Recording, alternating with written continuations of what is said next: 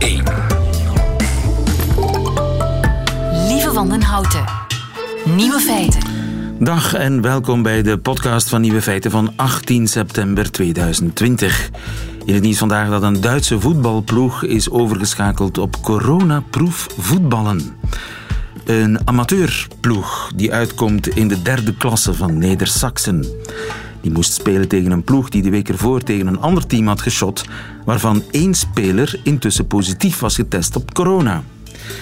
De coach van de ploeg wilde geen enkel risico nemen en voerde een nieuwe speelstijl in, corona-proof.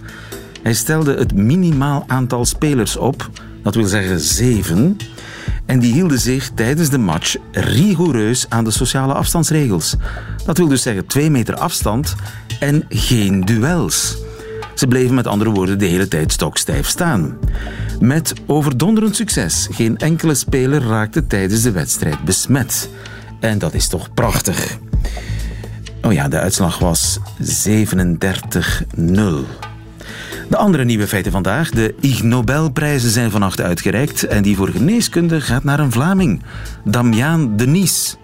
Sander van Hoorn, de NOS-man in Brussel, heeft al zijn geloof in de Belgische politiek verloren.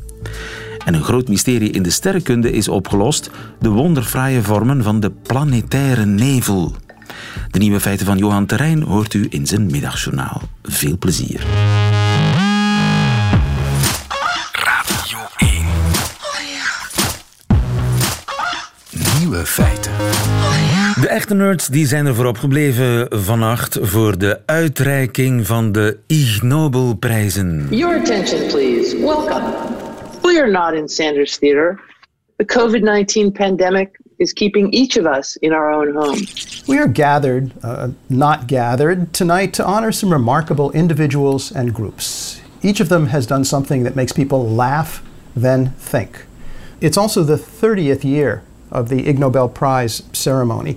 Because of the pandemic, instead of doing this in front of 1,100 people jammed together in a big theater, we're doing it all online. Uh, Oh, geen zaalshow in eh, Sanders Theater in Harvard dit jaar, maar een livestream event. En dat livestream event dat werd met kloppend hart gevolgd vannacht door Lieven Scheire. Goedemiddag, Lieven. Een goedemiddag. Al wakker, want het was wel laat hè, vannacht. Ja, het begint om 12 uur, zoals, zoals elk jaar. Ehm, laat ons zeggen, voor de mensen die op het internet kijken, zoals ik elk jaar, had het een beetje een voordeel dat het nu een, soort webshow was in plaats van het gebeuren in het theater daar, omdat het was iets korter en het was ook duidelijk bedoeld als een online uitzending. Anders zitten wij te kijken naar een theatergebeuren wat toch er veel toffer uitziet in het theater dan bij ons thuis. Ja, maar hoe moet dat dan met dat vliegers gooien? Want dat is een traditie, hè? dat het publiek met, eh, met papieren vliegers gooit. Papier- Ja, er de- zijn vers- het publiek verschillende... bestaat uit ho- hoge wetenschappers. Ja, er zijn eh, verschillende tradities die ze wel kunnen bewaren hebben. Eh, drie keer werd de liveshow eigenlijk onderbroken met de vraag om thuis met vliegertjes naar uw scherm te gooien, hè, wat normaal in het theater gebeurt. Ehm, er is ook altijd een opera over een bepaald thema, die zat er nu ook in. De prijzen werden overhandigd door echte Nobelprijswinnaars. Ehm, wat een beetje jammer was, is dat Miss Sweetie Poo niet aanwezig was eh, vandaag. Een Miss Sweetie Poo is normaal een achtjarig meisje dat iemand die te lang speecht komt onderbreken Juist, met een ja. aanhoudend please stop, I'm bored, totdat ze ermee ophouden. Ja. Ja, die was er niet. Maar er werd wel gezongen. Ja, inderdaad. Eh, een van de charmes van die heerlijke onnozelheid van die Ig Nobelprijzen is dat daar dus topwetenschappers rondlopen. Dat de enige persoon die vliegtuigjes mag opvegen, moet een Nobelprijswinnaar zijn, bijvoorbeeld. Er zitten meestal 10, 12 Nobelprijswinnaars op het podium. En dit jaar hebben die samen de Cucaracha gezongen. Dus toch ook uniek van zo'n hele reeks Nobelprijslaureaten samen de Cucaracha te zien zingen. En ze kunnen het. Ze kunnen het La echt. cucaracha, la cucaracha. Cucaracha.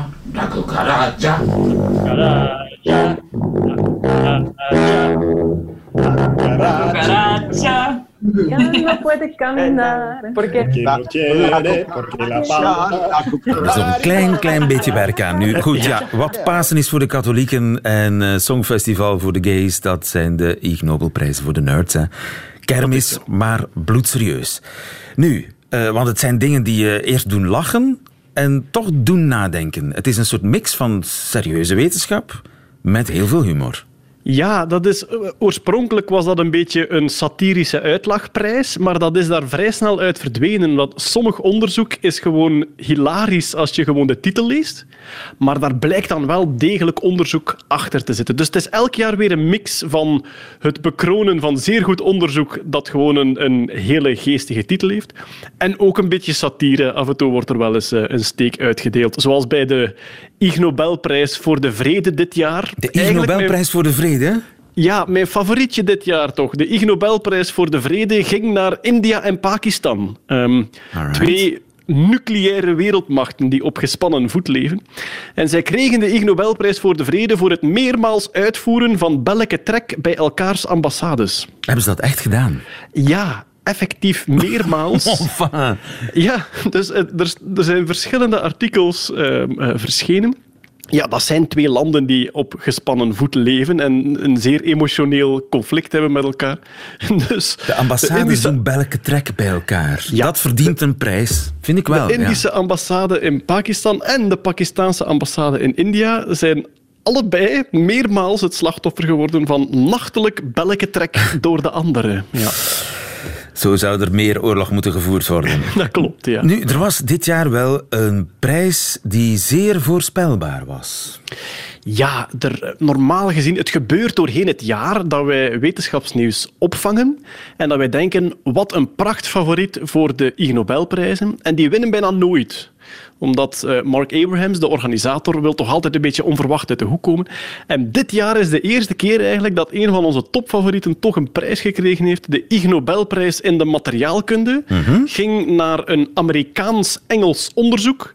Eh, antropologen hebben aangetoond dat messen die bestaan uit bevroren menselijke drollen niet goed snijden.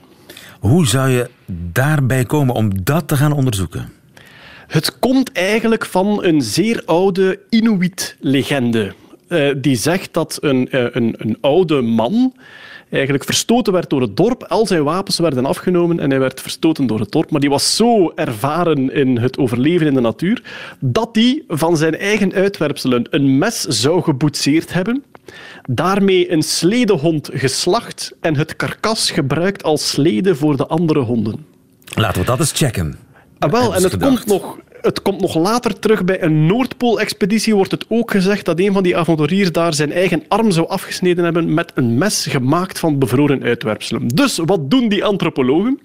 Die zetten verschillende mensen gedurende drie weken op een andere versie van het Inuit-dieet. Om te zorgen dat de darmflora en de vezels die uitgescheiden worden toch zeker eh, ja, historisch accuraat zijn. En dan eh, eh, ja, oogsten ze bij elk enkele uitwerpselen en dan zijn ze in het labo aan de slag gegaan. Bij min 50 hebben ze geprobeerd om daar een scherp mes van te boetseren. En dus met verschillende messen hebben ze dan op verschillende stoffen proberen snijden. En wat blijkt? Je trekt een paar stugge bruine streepjes, maar veel snijden doet het niet. Oké, daarmee is een, een fabel de wereld uitgeholpen. Levende wetenschap. Nu, wie won de Ig Nobel voor economie? De Ig Nobelprijs voor eh, Economie ging eigenlijk naar een onderzoek. Ja, een Pools, Frans, eh, Braziliaanse wetenschappers waren daarbij betrokken. Wat hebben zij aangetoond? In landen met een grotere inkomensongelijkheid wordt er meer op de mond gekust. Oké. Dus ehm, hoe oneerlijker uw economie, hoe meer er gemuild wordt, is een beetje de eh, correlatie die Dat zij is ontdekt echt hebben. aangetoond. Ja, zij hebben dat statistisch aangetoond. Maar en het causale is nu- verband is niet aangetoond. Het causale verband is nog niet. Zij, zij zeggen zelf, zij vermoeden een causaal verband van economie naar de passie. Hè? Dus als het economisch blijkbaar slechter gaat, dat de mensen daar passioneerder van worden.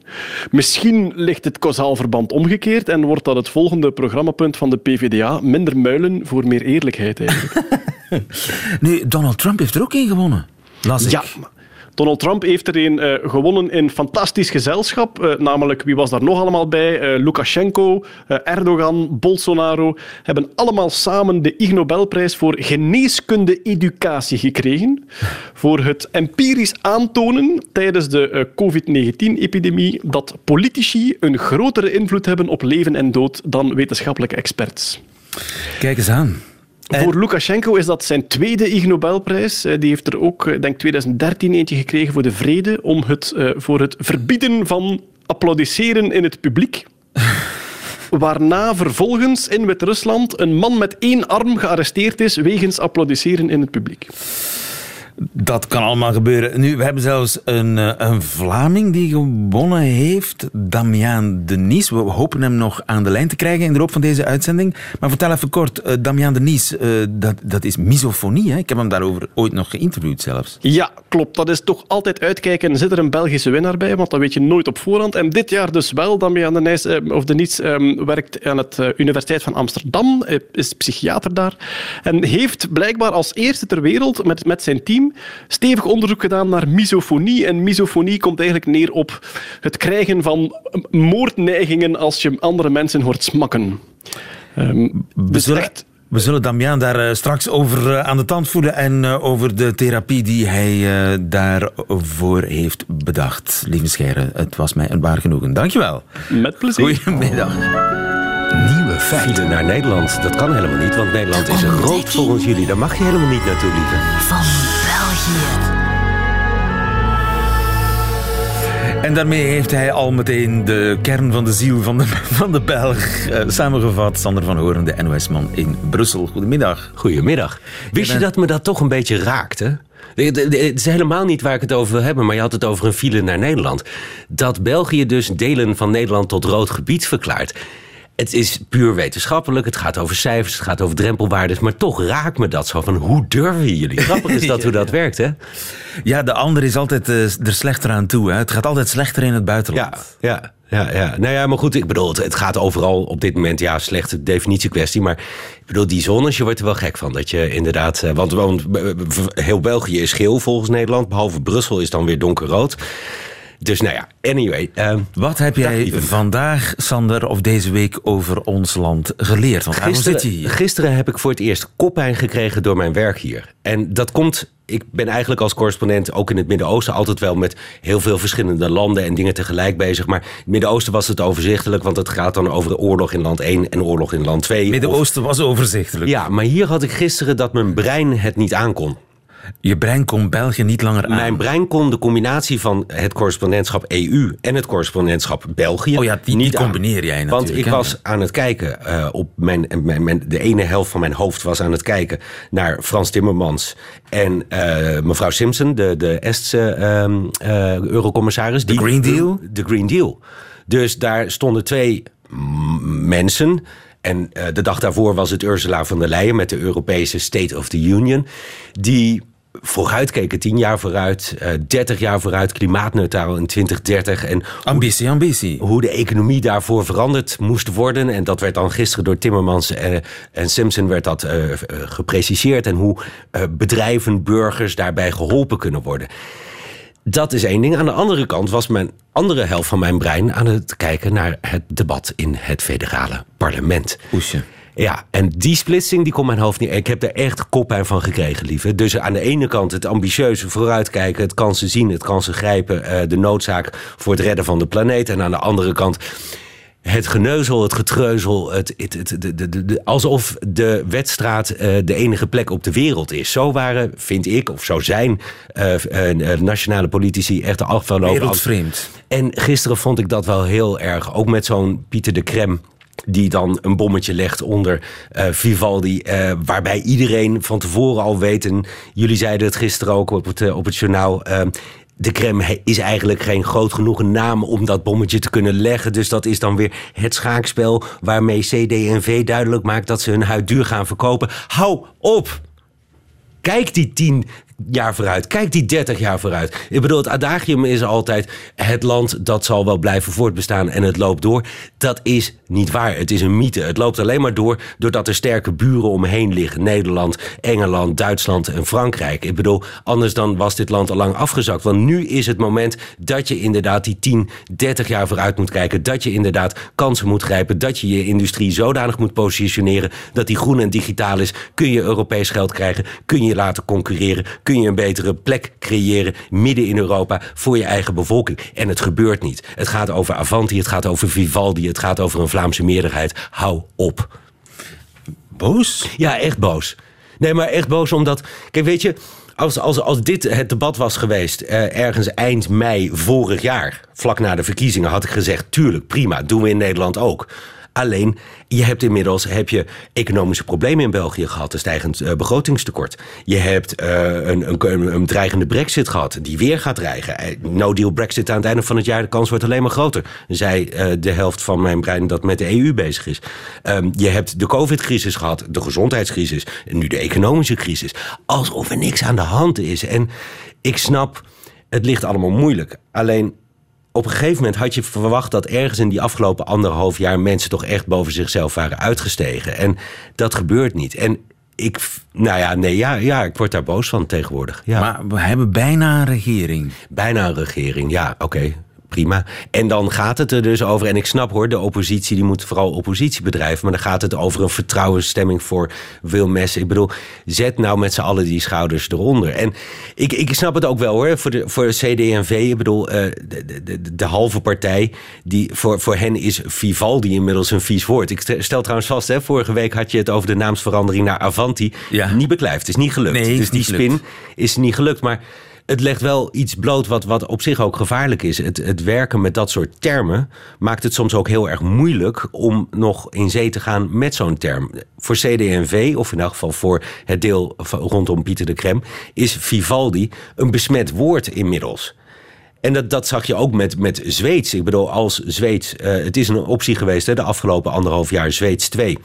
Maar Zweeds, dat had veel te veel de smaak van een minderheidskabinet... van een kibbelkabinet, van een kabinet waar de NVA eigenlijk niet in wil. Dus Zweeds is alleen al door het predicaat ja, werd het moeilijk. En hetzelfde hebben we in Nederland natuurlijk ook gehad met paars.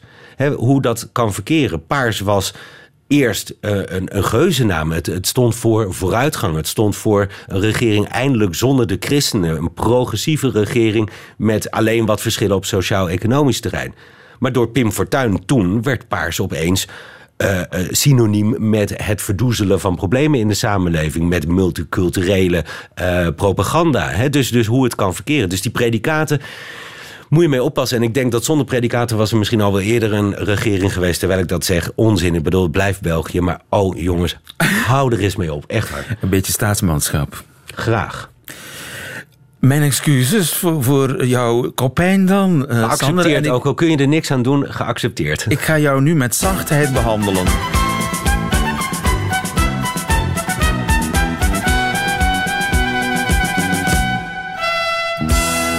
Examen Vlaams. In het examen Vlaams, wat is een chic? Een koppijn? Nee. een chic, sorry. Een chic. Niet chic, maar een chic. Dus het zelfstandig naamwoord chic. Er is ook een werkwoord. Chicken. Chicken. Echt waar? Ja. Wat geestig. Je opdoffen, maar dan over de top. Het had gekund. Ja, had gekund. Een goeie. Ja. een goeie. Maar het is eigenlijk eh, het is niet bepaald iets chics. Chicken. Het is Naar in het toilet- tegendeel. Naar het toilet gaan? Nee. Dit, Smakken. ja, nee, nee. Oh, Eh, chic komt En dan van mooi- chiclet. Ja. Chiclet is het Frans voor kauwgom. oké. Ja, wist ik niet. Dus dan... En chic. Doe die chic uit uw mond. Ja. Dat krijgen lastige leerlingen wel eens te horen van kwaaie leraars. Ah, Oké, chic. Mastiek. Die zou ik moeten weten. Mastiek. Ja, dat is uit de doe-het-zelf-wereld. Juist, Maar- ja. Mastiek. Mastiek, nee, dat weet ik niet meer. Maar inderdaad, in, in die hoek eh, ben ik het wel tegengekomen. Stopverf. Stopverf, ja. precies. Mastiek. Ja. Misschien in de, in de serie Avanti Vivaldi. Ribedebie. Riebe de Bie.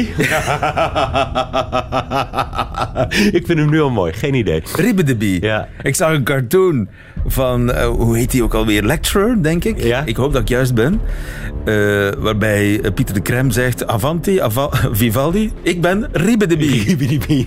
Ik ben er vandoor. Ribedebie. Riebe Weg. de Bie. We zijn Ribedebie. Oh, wat mooi. Ja. Is dat een echte... Mensen gebruiken dat? Mensen, eh, Vlamingen gebruiken dat. Oh, wauw. Nee, maar die ga ik Ribedebie, inhouden. Die vind ik echt kijk even naar onze Lim- hoog-Limburgse, diep-Limburgse technicus. Ja. Want in, in Limburg wil, Ja, ja. wel, wil wel eens anders gepraat worden, maar Ja. kennen ze zelfs daar. Voor de mensen die luisteren. Eh, eh, De te- technicus knikt erbij alsof hij zegt: van, ja, gebruik ik dagelijks. Ja, wadden. Ja, wadden. Ja, wadden. Nou, dat, maar goed, dankjewel. Want ik wilde je eigenlijk toen jij Ribidi... Die, eh, Ribbe de bie. Ja, Ribidi. ik wilde je altijd nog eens vragen, wat betekent ja, wadden dadde? Ja, Ja, ja toegegeven, ik heb hem uit de soort reclame. Over, overtreffende trap van ja, wadden. Maar ik vind hem gaaf, dadden. ik heb geen idee. Ja, wel, ja, wadden dadden is dus eh, de overtreffende trap die eerder zeldzaam is in het gebruik. En misschien zelfs eerder, ja, lokaal grens. Eh, de overtreffende trap van ja, wadden. Ja, wadden. Ja, dat is ja, wadden. Wauw. Wauw. Ja, wadden. Oké. Het is eigenlijk ja, wat, denk ik. Ja, Ja, wat dan? Of ja, wat ja, dan? wat? Ja, wat, eh, denk ik. Ik weet niet wat de etymologie is van ja, wadden. Ja, je kijkt naar de Limburgse technicus alsof die verstand heeft van het Ja, dat zijn zo'n voor de hand liggende termen voor een Vlaming. Wij staan er niet eens bij stil. Waar, waar zou dat vandaan kunnen komen? Ja, wadden. Ja. Nog een laatste? Nou, nee, eh, want dan loop je het risico dat ik die wel weet. En ik, ik koester mijn score van nul eh, vandaag. Treffelijk. Treffelijk. Ja, goed getroffen, maar dat zal niet. Nee, Nee. treffelijk. Wat zou ik kunnen... Doe eens een zin met het woord erin. Eh, hij, hij zag er treffelijk uit. Eh, goed verzorgd. dan. Juist. Ja, ja. Voilà, dus toch geen nul. Wel, maar met de context is het altijd makkelijker een taal. Juist. Dan kun je gokken en dan kan je afleiden. Ja. Treffelijk is, eh, ja, oké, prachtig. Dus deze die wist ik ook alleen maar door de context. Dus ook gewoon geen score. Ik heb een... ik, ik buis vandaag. Je buist, maar je maakt toch vooruitgang. Echt waar. Zeker in de kennis van ons land. Radio 1. Nieuwe feiten. Sterrenkundigen die stonden altijd al voor een raadsel. Waarom kosmische nevels er namelijk zo prachtig uitzien. En dat raadsel dat is nu opgelost. Onder meer door Leen. Leen de Sin. Goedemiddag. Goedemiddag. Je bent sterrenkundige van de Universiteit van Leuven. Ja, klopt. Het- schijnt heel mooi te zijn, zo'n zo'n nevel Ja. in de kosmos. Ja. Zeg eens, hoe, mooi, hoe ziet dat eruit? Wel, we spreken hier heel specifiek over planetaire nevels. Nu, dit mag je niet verwarren. Dat heeft niks te maken met planeten. Nu, als je kijkt naar die planetaire nevels, dat zijn eigenlijk de restanten van oude sterren, dan zien we daar heel wat vormen. Hè? Dus we zien kegeltjes erin, we zien spiralen. Zelfs bepaalde hebben de vorm van een vlinder. En we stonden inderdaad voor een raadsel over hoe kan een oude ster, of de restanten van een oude ster, hoe kunnen die er zo mooi uitzien? Een beetje als een slow-motion vuurwerk. Zo ziet het eruit. Ja, vuurwerk is een groot woord. Het, is, het heeft bepaalde warme temperaturen, maar het is complexer dan een vuurwerk. En je, dat zijn restanten van sterren. Hoezo? Wel, elke ster wordt geboren en gaat dood. Veel mensen beseffen dat niet. En ook onze zon zal dat doen. Binnen ongeveer 5 tot 7 miljard jaar van nu zal onze oude zon dan eerst een rode reus worden en daarna ook zo'n mooie planetaire nevel. En dus dat zijn dan de restanten die we dan zien. En het raadsel was, waar komen die patronen vandaan? Ja, want je moet weten dat onze zon ongelooflijk rond is. Veel beter dan de perfectste biljartbal die je kunt maken. En dan is natuurlijk de vraag van hoe kan iets die zo mooi bolvormig is, uiteindelijk zo'n heel mooie vorm krijgen. Dus zoals een vlinder, zoals een rozenblad. En dit verstonden we niet. En toen kwam er een soort van Eureka-moment. Kan je dat eh, eh, vertellen hoe dat gegaan is? Wel, in eh, 2018 heb ik samen met heel wat internationale collaborators hebben een heel groot waarneemprogramma geschreven. Niet om te kijken naar die planetaire nevels, maar om te kijken naar het stadium ervoor, naar die rode reuzen. En die rode reuzen die hebben sterrenwinden, eigenlijk soort ja, die verliezen materie doorheen een sterrenwind. En dus we hebben gekeken naar die sterrenwinden. En vanaf oktober 2018 hebben we ongelooflijk veel bijzonder mooie waarnemingen binnengekregen. En het was ongeveer een jaar geleden, of ja, iets meer dan een jaar geleden, iets na Pasen, 2019, dat ik plotseling door had van, wacht eens even, elk van de sterren die we naar keken, die had een prachtige vorm. Elk van die vormen vond ik ook terug bij die planetaire nevels. Maar bovendien konden we ook categorieën maken in elk van die vormen die we zagen. En dat was natuurlijk de clue om te kunnen verstaan wat het mechanisme was die al die vormen veroorzaakte. Dus eh, die vormen kwamen eigenlijk overeen eh, Ja, in diverse ja. stadia Juist. van het stervensproces van zo'n ster. Ja, en nu hadden we eigenlijk de, het mechanisme in actie. Hè? Dus terwijl het eigenlijk al het, het te ver was bij die planetaire nevels, zien we het nu terwijl dat het bezig is. Ja. En enig idee waar dat dan vandaan komt? Ja, ja. Dus an- anders was de publicatie er niet natuurlijk. Hè. Dus eh, we zijn er heel zeker van, om, omwille van heel wat redenen. Dus we hebben niet alleen die waarnemingen, maar ook op basis van statistiek en heel mooie theoretische modellen, zijn we er zeker van dat de reden daartoe is, is het feit dat geen enkele van die ster eigenlijk alleen is, maar dat die allemaal een soort levenspartner hebben. Is het nu een andere kleine ster of een grote planeet? En dat het juist het effect is van die andere kleine ster of planeet die ervoor zorgt dat je zo'n mooie vorm krijgt. Hè.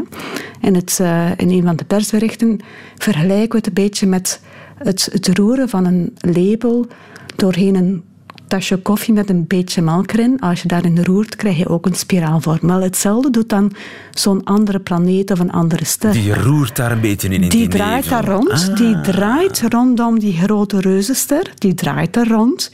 En omwille van het feit dat hij ronddraait, gaat hem eigenlijk ook de vormen gaan veranderen. Dat kan een spiraal zijn, dat kan een rozenblad worden, dat kan een vlinder worden. Groot nieuws in de sterrenkunde. Ja, Onder meer dankzij Leen de Sin. Dankjewel Leen en nogmaals gefeliciteerd. Mm, dank u. Goedemiddag. Daar. Radio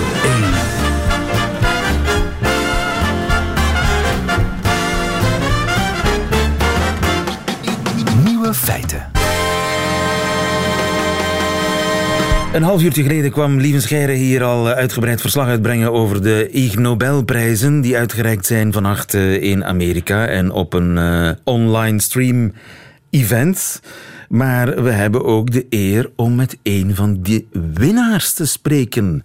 Goedemiddag, Damiaan.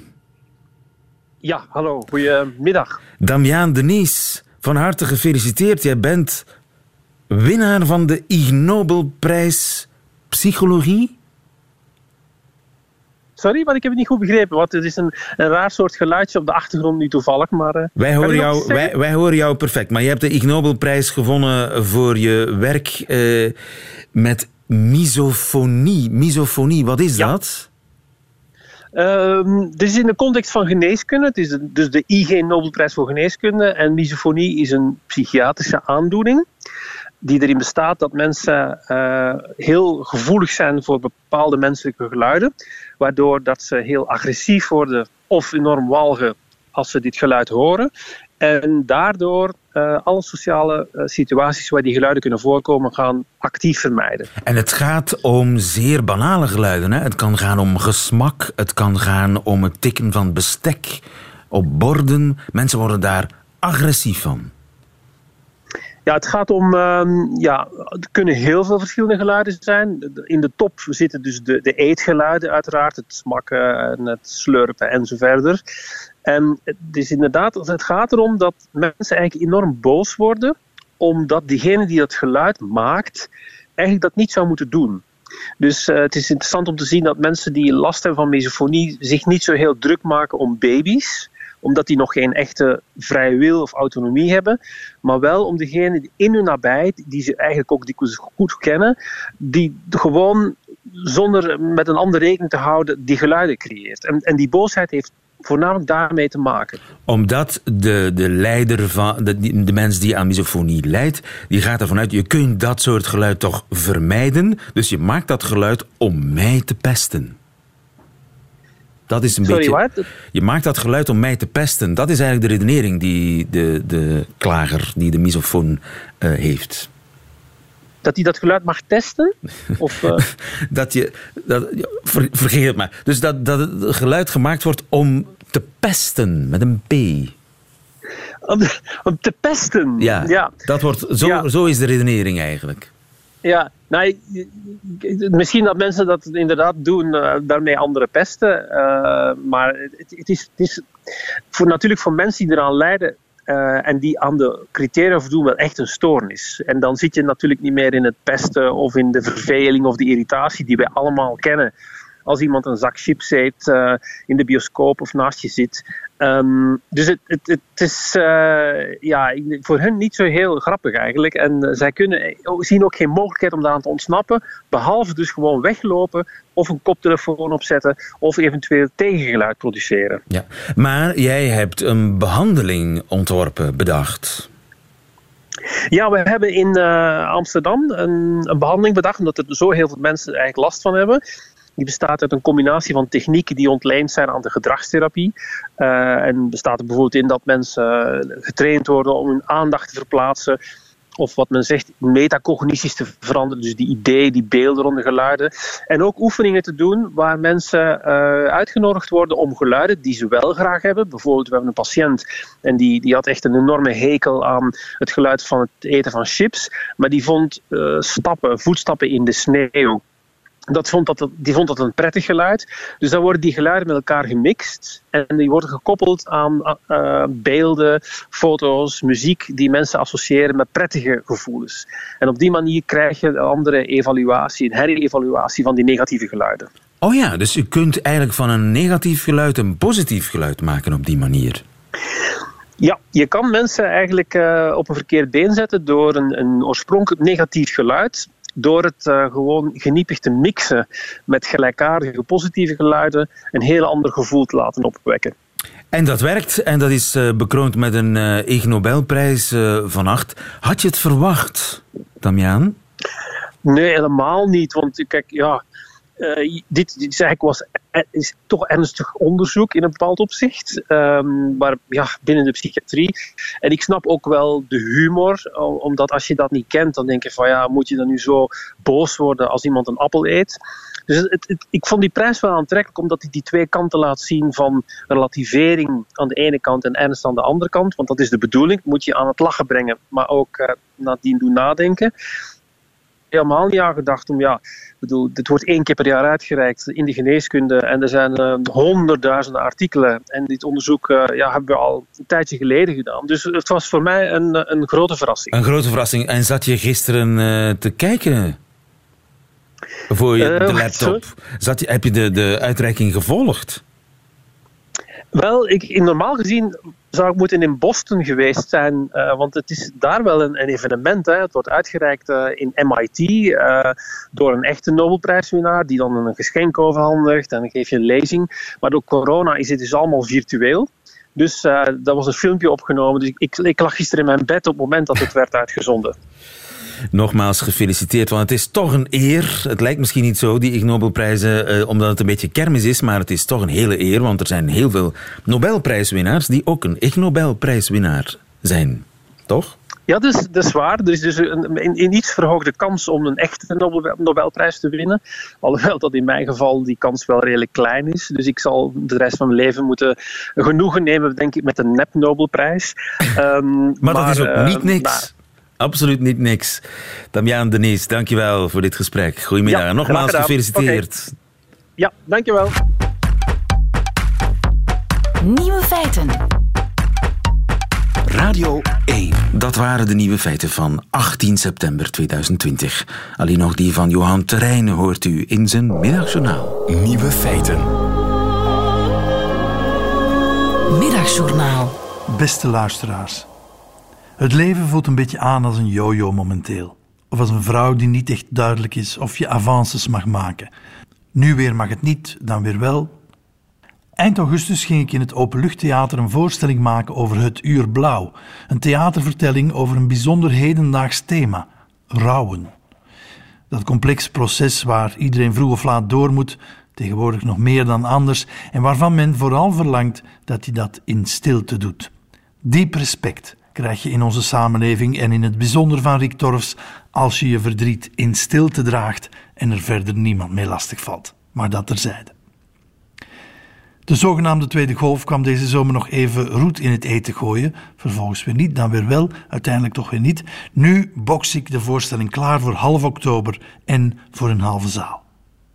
Klaarboksen. Ik schrijf het neer en ik vraag me meteen af waar zo'n woord vandaan komt. Klaarboksen lijkt me zo'n sport waarbij je ook de hele tijd op je tippen voor en achteruit huppelt. Nu weer wel, dan weer niet klaar. Waar is de etymologische ronde uit Tien voor Taal als je hem nodig hebt? En Robert Long, de gekrulde rat van de tongriem gesneden presentator, die dat zelf de allerleukste ronde vond. Longzaliger was zelf als presentator zo leuk dat er niet eens een co-presentator uit Vlaanderen naast hoefde. Dat heeft niemand hem ooit nog nagedaan. Maar dit terzijde. Het uurblauw wordt dus voor u klaargebokst. Van de podcast naar het podium. Het is erzats voor de koffieklats. Voor alle gemiste koffietafels uit de lockdown. Het is bijkletsen over een periode van afscheid zonder nabijheid. Het is vooral ons verwonderen over hoe weinig we weten om te gaan met iets wat we allemaal ooit zullen meemaken: het verliezen van een dierbare. Wel, ik kan er u over vertellen. En dit is wel een spoiler. Net zoals in een spannende thriller valt er in het begin een dode.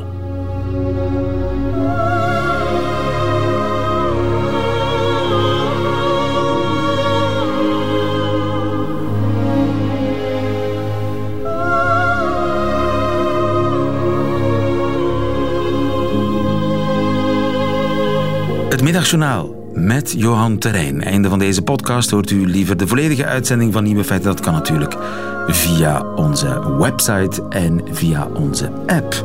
Daar vindt u overigens nog veel meer fijne podcasts van Radio 1. Tot een volgende keer.